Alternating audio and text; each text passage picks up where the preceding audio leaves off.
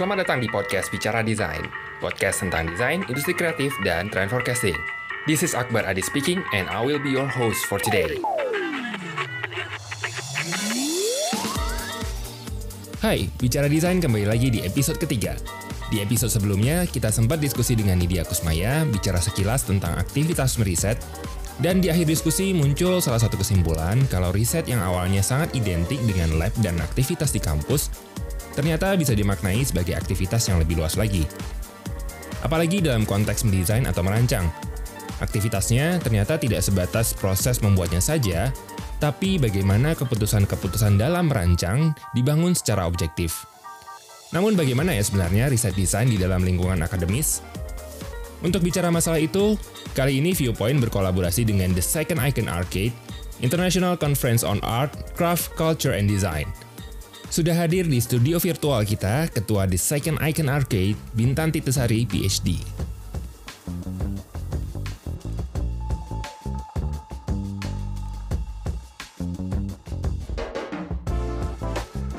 Halo, bicara desain kembali lagi dengan saya Adi dan tentu saja ada Amel. Hai. Ada Mas Santo. Halo, halo.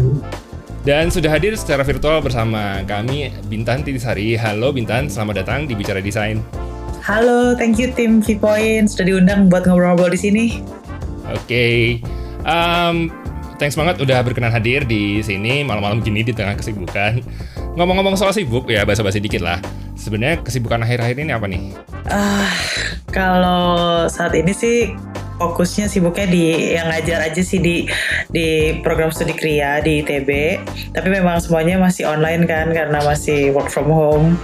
Uh, gue tuh ngajar uh, kelasnya fashion research celup rintang batik seni desain dan lingkungan yang anak S1 nya tapi juga ngajar di S2 juga sih yang manajemen desain eh salah manajemen penelitian desain gitu. Kayak gimana cara meneliti sih gitu dan terakhir pasti lagi megang itu ya salah satu konferensi besar yang bakal kita bahas sekarang. Nah itu The dia. Second Icon Arcade 2021. Iya. Um, International Conference on Art, Craft, Culture and Design. Nanti kita bakal tanya-tanya lebih lanjut tentang itu.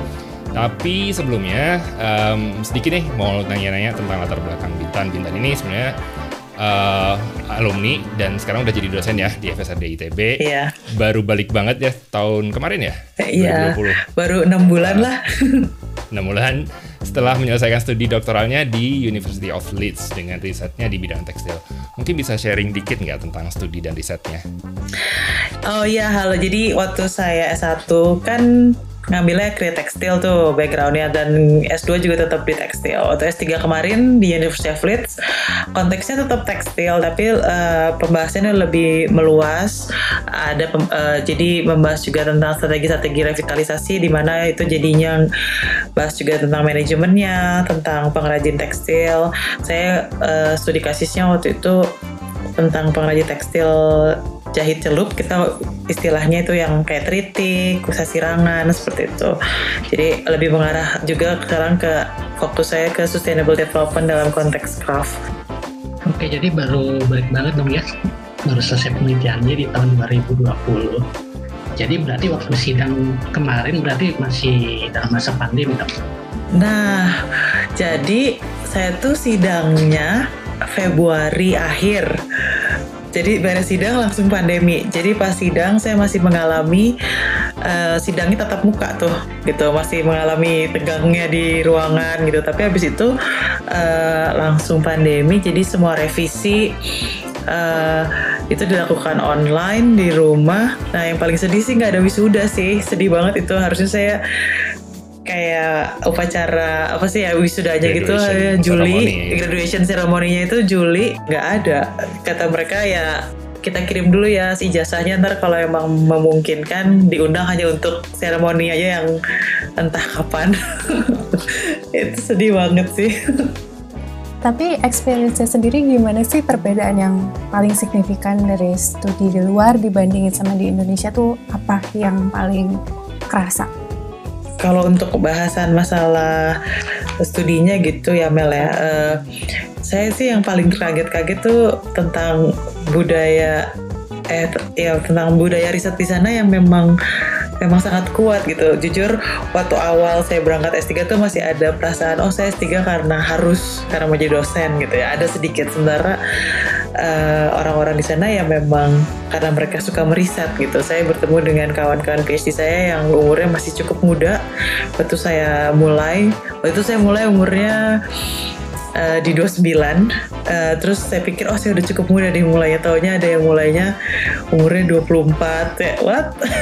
Waktu itu kaget sih tapi pas ditanya juga uh, kan ngobrol-ngobrol kenapa suka? Oh ya karena saya ini aja masih uh, penasaran ada pertanyaan penelitian atau research question yang belum terjawab yang kayak gitu. Terus ditambah juga banyak juga platform-platform diskusi tentang riset atau itu yang formal dan yang informal gitu. Kayak contohnya saya paling uh, seru tuh suka ada biasanya sebulan sekali tuh dia bilangnya namanya pub HD karena di sana kan kalau ngumpul di pub ya kebanyakan kalau di Inggris tuh. Jadi ya udah ada PhD PhD diundang saya pernah diundang juga cuman ngobrol 10 menit gitu cuman boleh 10 menit nggak boleh pakai slideshow. Jadi bener-bener ngomong gitu itu susah banget. Katanya kita ngomong nggak pakai slideshow karena udah biasa pakai slideshow. Terus yang datang tuh ya uh, ya ada yang teman-teman dari kampus tapi ada juga yang orang-orang umum gitu. Jadi mereka uh, dan nggak banyak yang mungkin nggak ngerti tentang tekstil atau desain. Mereka ya pure nanya aja gitu oh jadi maksudnya gimana nih? gitu. Dan benar-benar diskusinya flowing gitu. Terus itu sih yang saya kerasa banget bedanya oh bisa gini ya gitu jadi kayak punya budaya yang sebenarnya lebih lebih luas ya dibanding di sini kalau kita kan kayak budaya riset tuh terkesan kaku kampus betul banget, ya. Betul.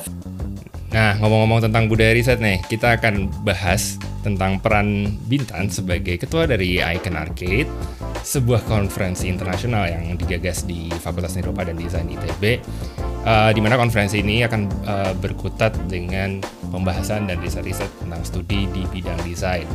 Nah, sebenarnya boleh cerita sedikit nggak sih sebenarnya Icon Arcade ini uh, mulainya dari mana sih? Maksudnya isu-isu apa sih yang sebenarnya berang uh, jadi awal digagasnya Icon Arcade ini? Oke, okay. uh, eh, ya jadi Icon Arcade ini kan konferensi yang diharapkan nantinya bisa reguler ya di kayak dua tahun per dua tahun selalu ada. Sebenarnya kan udah banyak ya dosen-dosen yang sering datang konferensi internasional di mana pun gitu di baik yang yang di FSR di sini atau ya pokoknya sebenarnya udah banyak lah gitu. Cuman kita pengen banget FSRD ini Fakultas Seni Rupa dan Desain punya uh, platform yang akhirnya dapat menumbuhkan budaya riset yang lebih kuat gitu di kalangan akademisi dan praktisi desain di Indonesia gitu.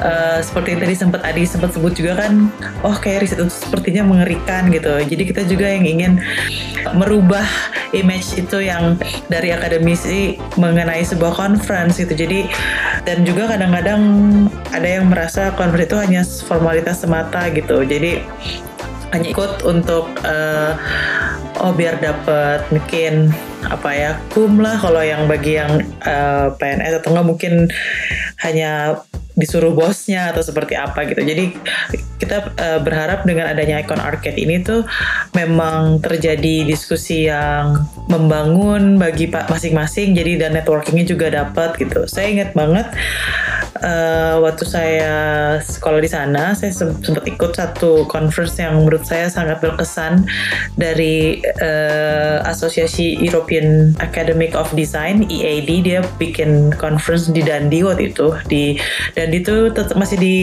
United Kingdom, tapi di atas dekat Scotland gitu. Uh, eh sorry emang di Scotland maaf uh, nah itu dia ber bersamaan dengan launchingnya Victorian Albert Museum yang cabang Dandi waktu itu tuh. Jadi emang momennya pas banget saya bisa melihat kayak bagaimana mereka memang merayakan nih gitu. Oh kita desainer-desainer atau researcher desainer ngumpul emang ngobrol terus kayak ngomongin banyak hal.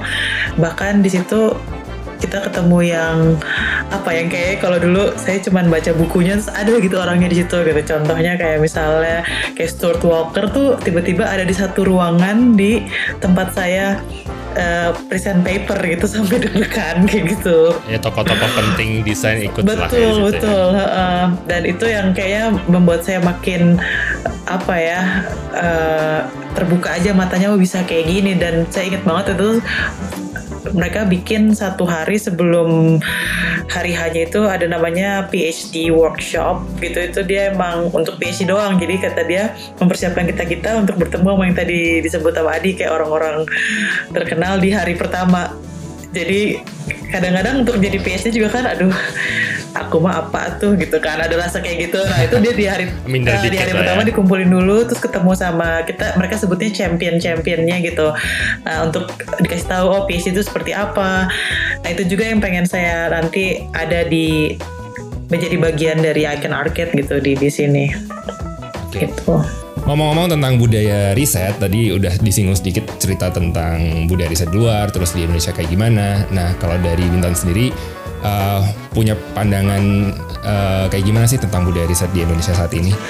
Eh, kalau budaya riset di Indonesia, mungkin saya bahasnya budaya riset di seni rupa desain dan kria aja ya di ya. Maksudnya Hmm, soalnya oke. kalau menurut saya pribadi sih budaya riset di misalnya saya ngomong lingkup ITB aja gitu, kayak di yang di teknik, yang di teknologi atau yang di sains tuh sebenarnya budaya risetnya sudah eh, cukup Beda karakter eh, ya. beda, beda karakter juga betul. Nah kalau di kita itu budaya risetnya di seni rupa itu memang masih mayoritas berupa fokus ke membuat karya gitu jadi bukan suatu karya tulis itu masih eh, itu yang akhirnya eh, menjadi eh, sedikit berbeda tapi eh, sebenarnya kalau dari proses pembuatan karya itu sendiri juga ada ada proses saintifiknya juga gitu. Nah, jadi yang sekarang saya lihat adanya perubahan output yang diharapkan dari para akademisi seni rupa dan desain. Jadi outputnya lebih ke jurnal atau misalnya eh, apa ya? Proceeding. Ya, proceeding artikel ilmiah lah seperti itu. Nah, nah di situlah akhirnya eh, bridging uh, yang menjadi suatu apa ya tantangan tersendiri bagi uh, ya kami kami inilah praktisi dan akademisi desain untuk tetap menjaga kekhasan dari seni rupa desain itu sendiri tapi tetap uh, me- apa ya mencapai target minimum ap- suatu artikel ilmiah yang baik itu seperti apa gitu gitu. Karena kayak misalnya di seni rupa dan desain sendiri aja ya gitu kayak banyak sebenarnya penelitian kita banyak sekali yang ber eh, termasuk ke dalam pengabdian masyarakat misalnya seperti itu. Karena memang secara mayoritas penelitian jenis penelitian di desain itu cenderung applied research juga gitu di. Jadi eh, di- bukan basic research yang eh, nah jadi kalau dulu seakan-akan dipisahkan gitu oh penelitian sama pengabdian masyarakat. Padahal kalau dari saya lihat atau saya pengalaman saya kemarin di sana juga emang pengabdian masyarakat itu ya juga suatu riset juga gitu. Hanya tinggal dituliskan aja gitu metodologinya seperti apa kayak gitu. Nah itu sih.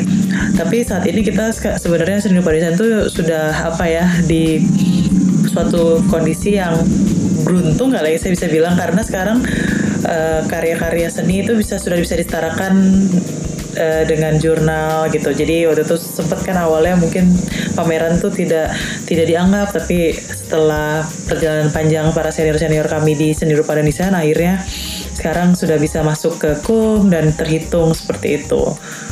Jadi eh, saya melihatnya budaya riset di seni rupa dan desain di Indonesia ini sebenarnya sangat apa ya sangat promising gitu. Oh kayak ini bakal bakal suatu yang keren. Makanya kita butuh eh, platform-platform atau enggak memang apa ya merubah eh, si image riset itu jangan jadi yang suatu yang mengerikan gitu. Wah kayak riset tuh susah atau apa gitu. Padahal riset tuh sebenarnya ya mempertanyakan suatu lalu membicarakannya gitu. Eh, dan akhirnya membahas hasilnya seperti apa gitu. Jadi saya ingat banget dulu nggak ada yang salah dari suatu hasil asalkan metodenya betul gitu suatu riset itu. Jadi latar belakangnya apa pertanyaannya apa ya jawabannya juga harus yang menjawab pertanyaan tersebut gitu kadang-kadang kan wah gitu oke. ya kadang-kadang nggak nyambung Ya karena kita udah uh, udah udah banyak apa image kalau di bidang-bidang sains tuh cukup apa ya ya itu tadi ya mengerikan tadi ya Iya. karena harus di sidang terus dengan pembuktian dengan rumus dan segala macamnya padahal di seni rupa desain dan kreasi sendiri punya karakter yang berbeda yang sebenarnya nggak sebenarnya periset di bidang itu pun nggak usah takut karena itu sebenarnya sehari-hari mereka betul juga kan hanya ya. tinggal dituliskan gitu Uh, uh, nah sebenarnya uh, bayangannya nih budaya riset uh, seni rupa kriya desain ke depannya ini uh, bentuknya tuh yang kayak kayak gimana sih idealnya? Apakah dengan misalnya ada pameran, ada kuratorial, atau misalnya tadi ada pengabdian masyarakat? Iya, iya. Uh, Sebenarnya kalau kalau dari saya pribadi gitu ya pendapat saya jadi tadi untung Adi juga sebut gitu saya sempat lupa tadi menyebutkan bahwa suatu kayak proses kuratorial misalnya kayak di uh, seni rupa lah ya yang atau di nggak hanya seni rupa di desain juga ada suatu pameran ada proses kuratorial kuratorial itu pun juga sebenarnya suatu uh, bentuk diseminasi suatu pemikiran gitu bahwa ini ada temanya seperti ini lalu ada proses seleksinya itu juga satu metode yang berbeda. Jadi itu juga tetap ter, terhitung saintifik gitu. Uh, dan juga kalau saya sih uh, kayak pengabdian masyarakat juga jangan ke depannya jangan pernah dianggap kayak seperti suatu hal yang uh, apa ya kayaknya lebih tidak berbobot dibandingkan penelitian karena sebenarnya bobotnya sama gitu. Jadi saat kita mau mengaplikasikan suatu atau mengabdikan suatu ilmu ke masyarakat itu ya harus dengan riset yang cukup panjang gitu. Karena sebenarnya kan nggak boleh hmm, apa ya nggak boleh dalam tanda bahasa gampangnya nggak boleh asal gitu. Jadi saya ingat banget waktu saya di sana, waktu saya mau memulai S3 saya ini sedikit cerita lagi, saya tuh sampai enam bulan nggak keluar keluar ethical uh, ethical kayak ethical clearance-nya gitu. Eh salah bukan ethical clearance, apa aku jadi lupa istilahnya. Ya pokoknya kayak kayak komit komite etiknya lah ya gitu untuk uh, riset. Hmm, Oke. Okay. Ya, ya, ya, uh, um, nah itu saya minta izin untuk padahal saya orang Indonesia saya mau ke Indonesia gitu itu yang panjang banget karena mereka sangat menghindari adanya misalnya penelitian-penelitian yang asal datang ke satu komunitas terus hanya untuk demi penelitian padahal nanti dampak untuk si komunitas itu sendiri tidak tidak diperhitungkan gitu. Itu yang mereka hindari. Jadi ada orang dalam tanda kutip asing datang dengan bendera penelitian atau pengabdian masyarakat terus memberikan satu kontribusi yang sebenarnya mungkin mereka nggak butuh atau kurang tepat akhirnya ditinggal. Yang penting mereka publish suatu uh, paper atau yang penting mereka dapat kumnya atau apa gitu. Jadinya hmm. itu sih. Dari di situ saya awal-awal kayak mikir ribet banget sih gitu. Tapi sekarang saya bisa bisa melihat memang oh iya betul gitu. Itu juga yang jadi saya juga bener ini untung kesebut harusnya tuh di ke depannya ya sendiri Pak selalu selalu ber apa ya berdampingan dengan uh, ethical review ini jadi komite yang jadi yang mereview etik udah apakah ini sudah semacam etik, ada ada pengawas etik. atau apa ya semacam kontrol lah ya. betul. ya Iya, iya betul. Kayak pertanyaannya antar apa, nah, kayak gitu. Jadi memastikan jalannya penelitian ini bisa berlangsung dengan sebagaimana mesti. Betul, betul. Hmm. Oke. Okay. Tadi sekira sih bahas tentang budaya riset di lingkungan seni rupa dan desain. Kemudian sebagai pendukung untuk meningkatkan budaya riset tadi, kalau bisa dijabarkan nih, apa sih icon arcade itu? Uh, Oke. Okay. Dan kemudian mengapa acara ini begitu penting untuk diselenggarakan? Gimana nih? Iya sih sebenarnya Icon Arcade ini uh, merupakan platform yang nantinya akan diadakan per dua tahun di tahun ganjil maunya jadi kayak sekarang di 2021 pertama di 2017. Nah uh, sebagai platform ini diharapkan Icon Arcade menjadi wadah untuk para peneliti dan praktisi desain seni dan kriya uh, atau juga yang multidisiplin gitu untuk mempresentasikan hasil ide gagasannya lalu berdiskusi dalam ranah akademis. Jadi yang tadi saya sempat sebutkan saya berharap sekali eh, hasil-hasil uh, yang penelitian yang keren-keren tadi baik itu uh, ya pengabdian masyarakat atau penelitian atau apa pun itu bisa dipresentasikan di sini gitu. Nah, kenapa penting banget uh, itu sebenarnya karena conference itu sebenarnya menjadi suatu ajang untuk tanda kutip ya mengecek penelitian yang uh, saat ini terjadi di tingkat nasional dan internasional tuh uh, seperti apa gitu. Uh, jadi suatu conference itu bisa dijadikan uh, cara untuk menyamakan uh, standar suatu publikasi baik dari sisi penulisan, pembahasan konten atau uh, dari sisi kayak uh, analisa atau critical thinkingnya juga gitu.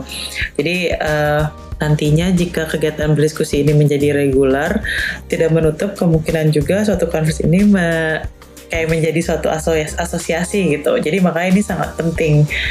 Tadi yang saya sebut sebut masalah mengecek itu uh, maksudnya kadang-kadang gini kalau kalau conference itu sebenarnya sering dijadikan ajang untuk melempar ide gitu. Jadi sebenarnya belum fix. Jadi uh, misalnya saya punya riset ide seperti ini, saya bawa ke conference, uh, lalu didiskusikan karena selalu ada platform untuk presentasi, baik itu berupa oral atau maksudnya secara lisan atau tidak lisan. Lalu ada diskusinya juga. Nah di situ uh, para peneliti biasanya mengharapkan adanya input uh, atau mengecek juga bagaimana sih uh, apakah jangan-jangan ada yang meneliti hal yang sama seperti itu. Nah diharapkan input-input itu yang nanti uh, menjadikan tulisannya semakin baik sehingga pas lagi dipublish di jurnal ya dia sudah uh, yakin bahwa ini suatu uh, penelitian eh, penelitian yang yang ada novelty-nya gitu yang belum pernah diadakan sebelumnya atau dilakukan oleh penelitian lain seperti itu. Jika dilihat tema Icon Arcade tahun ini adalah Fostering Creative Economy for Sustainable Development dan di sini terdapat sub-sub tema dalam tema besar tersebut. Jadi bisa dijelaskan nggak bagaimana prosesnya sehingga diambil keputusan memakai judul tersebut, judul tema tersebut maksudnya dan bagaimana akhirnya bisa muncul ke delapan subtema tersebut. Bisa jelasin nggak? Uh, ya, nah jadi kalau tadi kan kita udah sempat banyak bahas tentang si conference-nya itu dan relatednya sama budaya riset gitu ya. Nah kalau untuk tema ini sebenarnya uh, dari panitia sendiri itu uh, kenapa sih membahas kreatif ekonomi dan bagaimana kenapa membahas sustainable development itu uh, adalah suatu kontribusi dari Fakultas Seni Rupa dan Desain ITB dalam rangka mendukung uh, rangkaian uh, acara International Year of Creative Economy for Sustainable Development yang memang diusung uh, oleh Indonesia pada tahun 2021 ini gitu. Jadi itu sebenarnya jadi salah satu uh, apa ya alasan besar kenapa kita membahas ini gitu. Nah kalau da nah selain itu pun kayak visi Indonesia Emas 2045 juga kan dia mempunyai prioritas nasional yang diterjemahkan menjadi empat pilar. Nah, salah satunya itu adalah uh, ekonomi berkelanjutan yang mencakup mengembangkan ekonomi kreatif dan digital. Jadi melihat poin-poin tersebut kayaknya pas banget di 2021 ini kita juga uh, mengangkat isu yang sama gitu. Nah, jadi sebenarnya akan Arcade 2021 ini kan udah ada pre-eventnya ya waktu tahun 2020 tuh kita kayak mengadakan seminar yang lingkupnya ya cukup cukup uh, tetap internasional tapi hanya satu hari jadi ada empat pembicara lalu kita membahas juga nih uh, topik yang sama. Nah dari situ dari diskusi yang cukup mena- uh, panjang jadi walaupun satu hari tapi uh, diskusinya sangat aktif. Uh, kita ada ada eh, sorry ada lima pembicara yang uh, satu dari uh, dua dari Amerika, satu dari Jepang, lalu yang dua dari dari Indonesia dan dari situlah kita akhirnya uh, merumuskan tema ini dengan subtema yang ada delapan tadi, Mas uh, Anto. Jadi uh, ke delapan itu tuh kita jadi delapan tema ini tuh sebenarnya jadi suatu acuan top uh, sub subtema atau topik-topik kecil yang menyangkut ke uh, fostering creative economy for sustainable development itu. Tapi sebenarnya tidak me, apa ya tidak harus uh, tidak limited pada kedelapan ini gitu. Nah, delapan itu ada tradition atau history as cultural assets. Itu jadi ngebahas uh, penelitian-penelitian yang memang bahasannya tentang uh, uh, penelitian yang berhubungan dengan culture atau tradisi gitu ya. Nah, terus yang kedua itu teknologi for sustainable production. Uh, bagaimana uh, desain-desain atau penelitian-penelitian yang akhirnya me, eh, eh, bukan akhirnya jadi yang menggunakan teknologi untuk mencapai produksi-produksi uh, yang lebih berkelanjutan gitu. Nah, yang ketiga itu circular economy. Uh, di sini uh, banyak membahas kayak sustainable consumption, lalu closing the loop itu salah satu top, top uh, keywordnya. Uh, lalu juga ada uh, sustainable creative policy. Nah, di sini ngomongin kayak good governance, uh, in creative economy atau enggak kayak art and design best practice, cultural policy, uh, ada human centered art and design development. Jadi di sini yang uh, bahasannya kayak digital teknologi, artificial intelligence, ada tentang visual perception, emotional design itu di sini, ada community building. Kita juga membuka uh, apa ya kita sangat welcome untuk uh, tadi kan karena kita bahas sedikit tentang uh, pengabdian masyarakat itu banyak sekali beririsan dengan community building. Jadi yang uh, membahas participatory method art and design atau uh, interdisciplinary approach di community project itu banyak banget. Saya uh, terus design thinking contohnya atau uh, dan yang ketujuh ada collective resilience dan well-being. Uh, karena di sini juga kita melihat uh, banyak sekali kontribusi seni desain dan untuk kayak community empowerment atau ethical resilience kayak gitu. Nah yang terakhir adalah tentang urban ecosystems. Jadi uh, di sini membahas kayak biodiversity, sustainable cities. Uh, kan kita juga Bandung uh, salah satu kota desain ya. Jadi jadi kayak sangat tepat untuk ada satu juga platform tentang urban ecosystem. Kayak gitu sih. Oke, kayaknya itu prosesnya panjang banget ya untuk bisa ngedapetin masing-masing topik. Nah, kita tadi udah dapet ya gambaran soal apa itu Icon Arcade sekarang boleh dong di-share lebih mendetail soal teknis dari event itu sendiri. Kita pengen tahu sih apa visi misi dari Icon Arcade dan besar harapannya target audiens yang dituju itu yang menghadiri event ini tuh seperti siapa aja?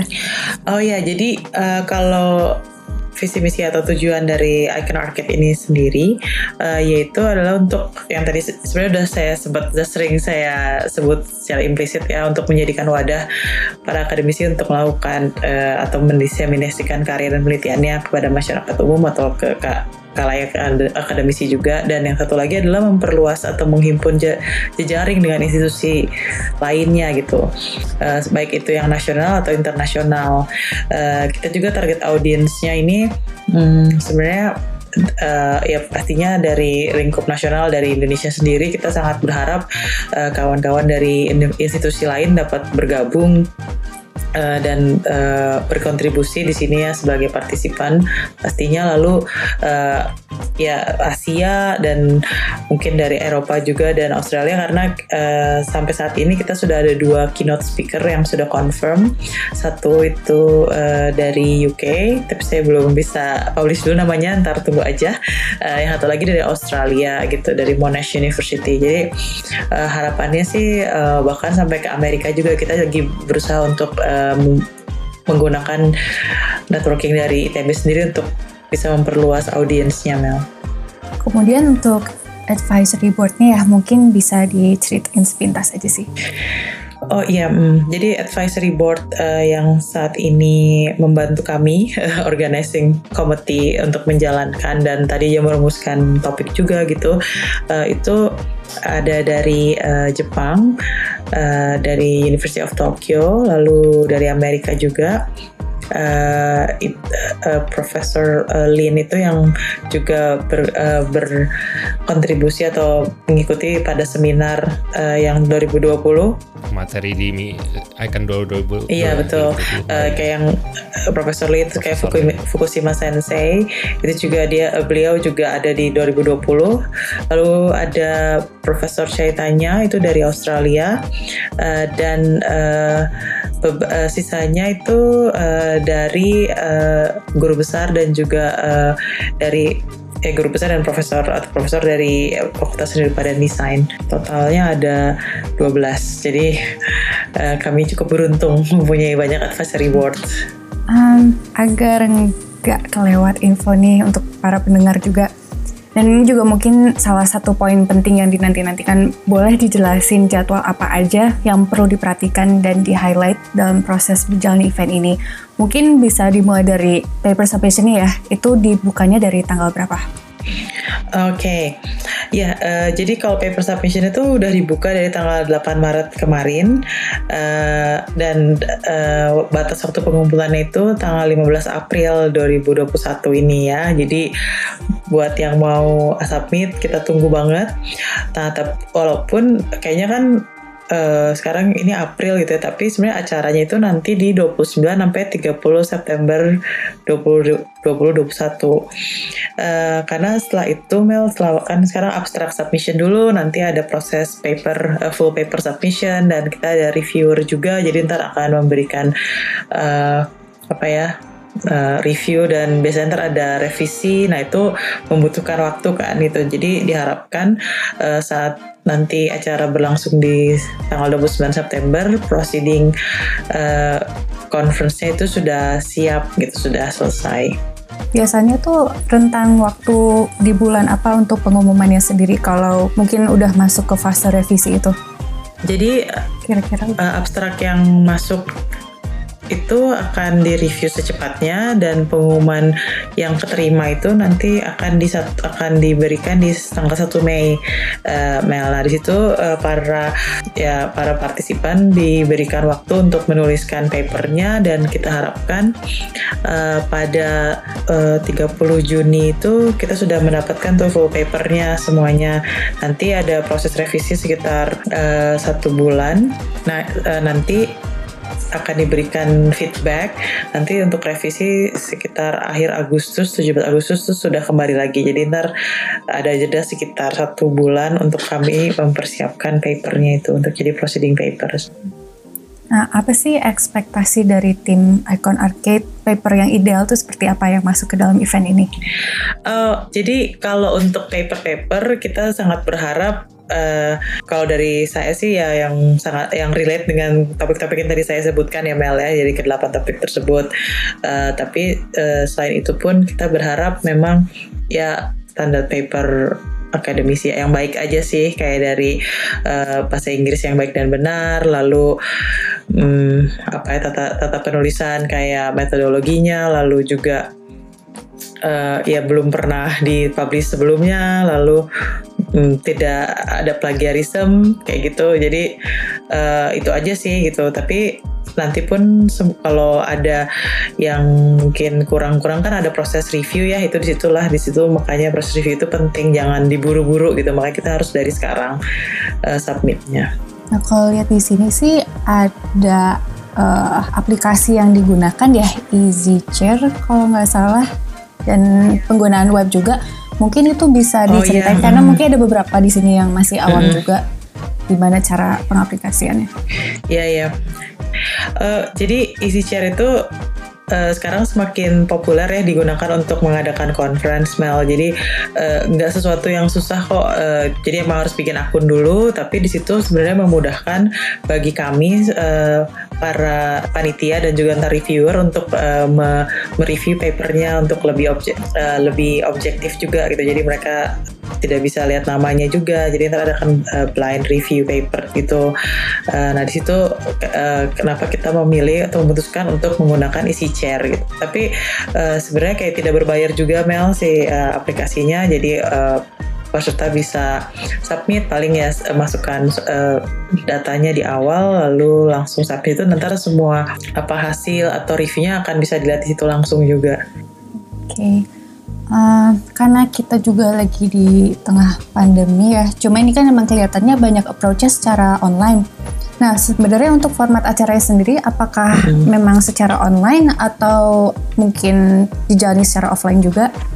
Itu kira-kira kayak gimana? Uh, ya sebenarnya kita awal-awal masih merasa oh apa mungkin kali ya udah bisa offline gitu ntar di September. Tapi uh, mengingat kayaknya resikonya cukup tinggi jadi uh, memang acara ini uh, sudah kami putuskan untuk diadakan secara online atau mungkin kita bisa sebut juga secara hybrid. Karena uh, untuk ya biar nggak bosan gitu di layar ntar kita ada mungkin ada yang akhirnya di shoot uh, di uh, kampus di kampus ITB lalu di broadcast kayak gitu. Itu untuk memberikan variasi aja sih. Tapi uh, secara keseluruhan sih online uh, nah nanti itu kan acaranya dua hari yang conference-nya.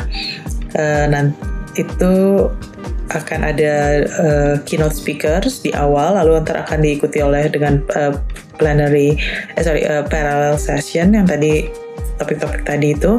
Nah tapi juga uh, di tahun ini kita akan coba yang tadi saya sebut uh, sedikit yang tentang postgraduate workshop. Uh, jadi uh, ini sebenarnya salah satu pengalaman saya pas lagi saya ikutan International Conference di Dundee. Jadi waktu itu uh, uh, di European Academy of Design, dia punya namanya PhD workshop uh, di mana uh, mahasiswa S3 dan kalau di sini kita akan juga mengundang mahasiswa S2 untuk bertemu dengan uh, apa ya kita sih waktu itu istilahnya namanya champion champion tuh berarti ya seperti peneliti yang sudah cukup senior lah gitu nah di situ uh, mereka bisa mengobrol dan lebih dalam konteks lebih apa ya lebih casual bagaimana sih sebenarnya seorang peneliti itu seperti itu.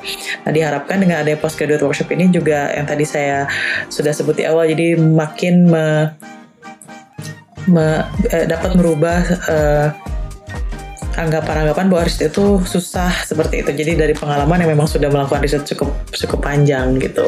Nah selain itu kita pun uh, ingin sekali uh, membuat uh, suatu virtual exhibition yang uh, menampilkan karya-karya dari pengabdian masyarakat yang sudah pernah dilakukan dari ITB di tahun ini gitu. Itu juga jadi orang bisa punya banyak pilihan tidak hanya uh, presentasi gitu uh, dan seminar maksudnya. Ya, berarti ini bisa diakses secara umum ya? Kalau secara umum sih nantinya bisa ya. Cuman kalau misalnya ada yang mau jadi audiens ya harus bayar sih gitu Mel. Ntar nantinya akan ada beberapa platform yang bisa digunakan gitu dari bisa kita pakai platform kayak uh, Zoom conference sama YouTube juga untuk live. Nantinya untuk orang-orang yang sudah bayar gitu yang memang terdaftar sebagai audiens.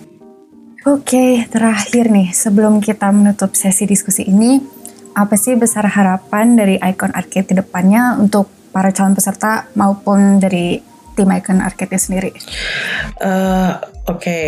kalau harapan saya sih uh, harapan yang apa ya, yang paling besarnya itu ya ini Icon Arcade nantinya bisa reguler dua tahun ke depan. Jadi uh, dan konsisten sehingga nantinya uh, terbentuk komunitas-komunitas uh, peris, uh, periset seni desain dan kriya yang uh, akhirnya bisa membentuk suatu asosiasi juga gitu. Itu mimpi yang sangat besar ya untuk jangka panjang. Tapi untuk jangka pendeknya ntar tahun ini dulu gitu ya. Saya berharap banget walaupun dengan keterbatasan online tapi uh, semoga diskusinya dapat berjalan dengan baik. Lalu bagi para penyaji artikel atau ntar si partisipannya juga mendapatkan input atau feedback yang baik dan networking itu sih yang uh, saya berharap uh, dengan online ini sebenarnya makin memudahkan orang untuk berkoneksi ya untuk yang dari luar negeri. Jadi itu uh, ya plus minus lah walaupun jadinya kayaknya mungkin kurang menarik karena online. Dibandingkan kalau offline jadi nggak ada kegiatan-kegiatan atau interaksinya tidak langsung. Tapi sebenarnya di satu sisi memudahkan orang untuk bertemu dari dari negara lain. Karena biasanya kan ada travel restriction atau mungkin juga lebih mahal untuk datang ke Indonesia seperti itu. Jadi ya semoga itu sih yang saya harapkan Oke, okay, thank you Mbak Bintan Titisari sudah berkenan sharing. Um, semoga Wah, sukses uh, acara Icon Arcade-nya. Jangan lupa ya tadi call for paper deadline-nya tanggal 15 April 2021. Iya, ditunggu. Dan eventnya di September tanggal berapa tadi? 29 dan 30. 29 dan 30. Oke, okay, bagi yang berminat um, jangan lupa visit ke websitenya Icon Arcade. Uh, untuk keterangan websitenya bisa cek di deskripsi link di Spotify atau Anchor tergantung di mana Anda mendengarkan. Oke, okay, untuk itu terima kasih sudah berkenan hadir di Bicara Desain episode 3. Kita ketemu lagi di sesi berikutnya di diskusi yang lainnya. Semoga nanti bisa ketemu lagi dengan Mbak Bintan. Mungkin ngobrolin tentang risetnya kali ya. Boleh, boleh. 30 okay. menit terlalu pendek ya untuk ngomongin semuanya. Oh, uh, tadi kan baru airkan arketnya. Kita ngomongin risetnya lain kali. Oke, okay, okay. thank you semuanya. Thank you semuanya. Dah.